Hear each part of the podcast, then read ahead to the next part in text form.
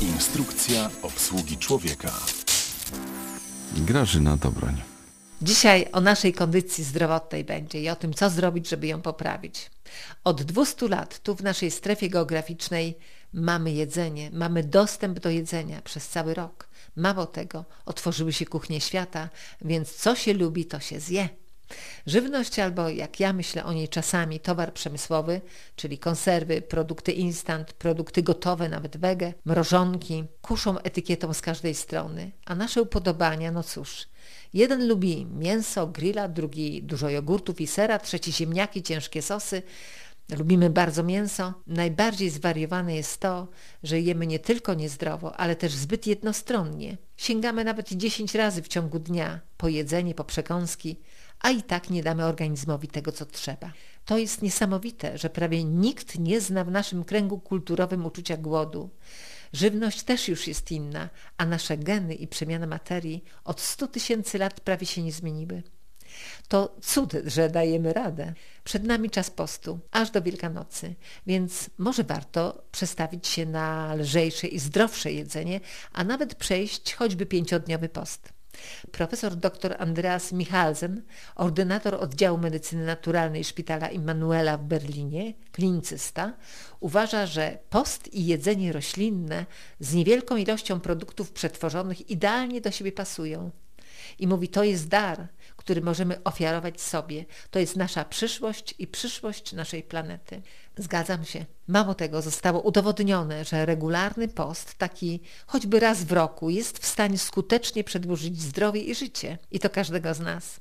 Sama lubię pościć i robię to od wielu lat. Kiedyś były to posty o wodzie, połączone z medytacją i ćwiczeniami, które sprawiały mi wiele przyjemności, ale nie musi to być odmiana hardkorowa.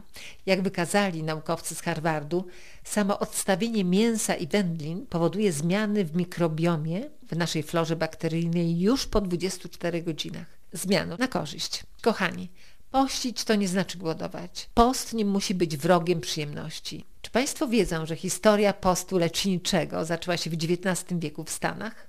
Ale swoją pozycję w medycynie zawdzięcza on dwóm lekarzom, Niemcowi i Austriakowi. Pierwszy to Otton Buchinger, który proponował pokarmy płynne, warzywno-owocowe.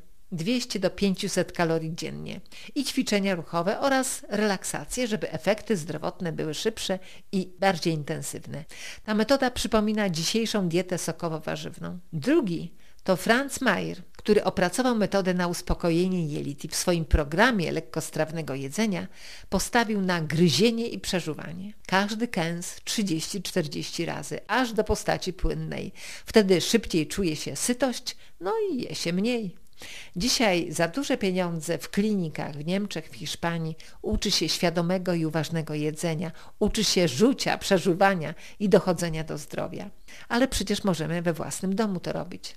Nie wszystkie choroby można w taki sposób wyleczyć, ale zdrowie tak na zapas zawsze da się utrzymać.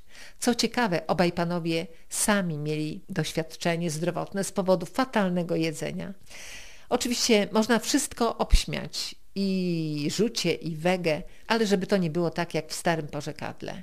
Niestety nie każdy może pościć, a nawet nie należy przy konkretnych chorobach, kiedy mamy kamienie żółciowe, przy chorobach serca, przy słabych nerkach, w chorobach nowotworowych, w cukrzycy typu pierwszego czy ciężkiej postaci depresji.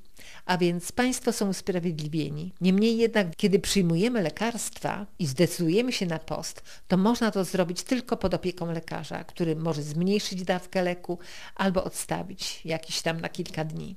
Znam profesora, który z kolei co tydzień funduje sobie post interwałowy, czyli na przykład trzy dni je, a dwa dni nie.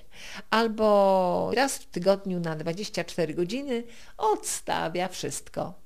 Profesor ma swoje lata i wciąż tryska humorem i zaraża dobrą kondycją. Jemy źle.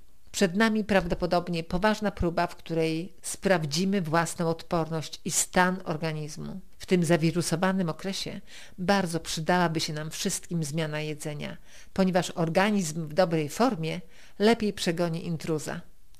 Z Karkonoskiego Lasu Grażyna Dobroń. Pozdrawiam.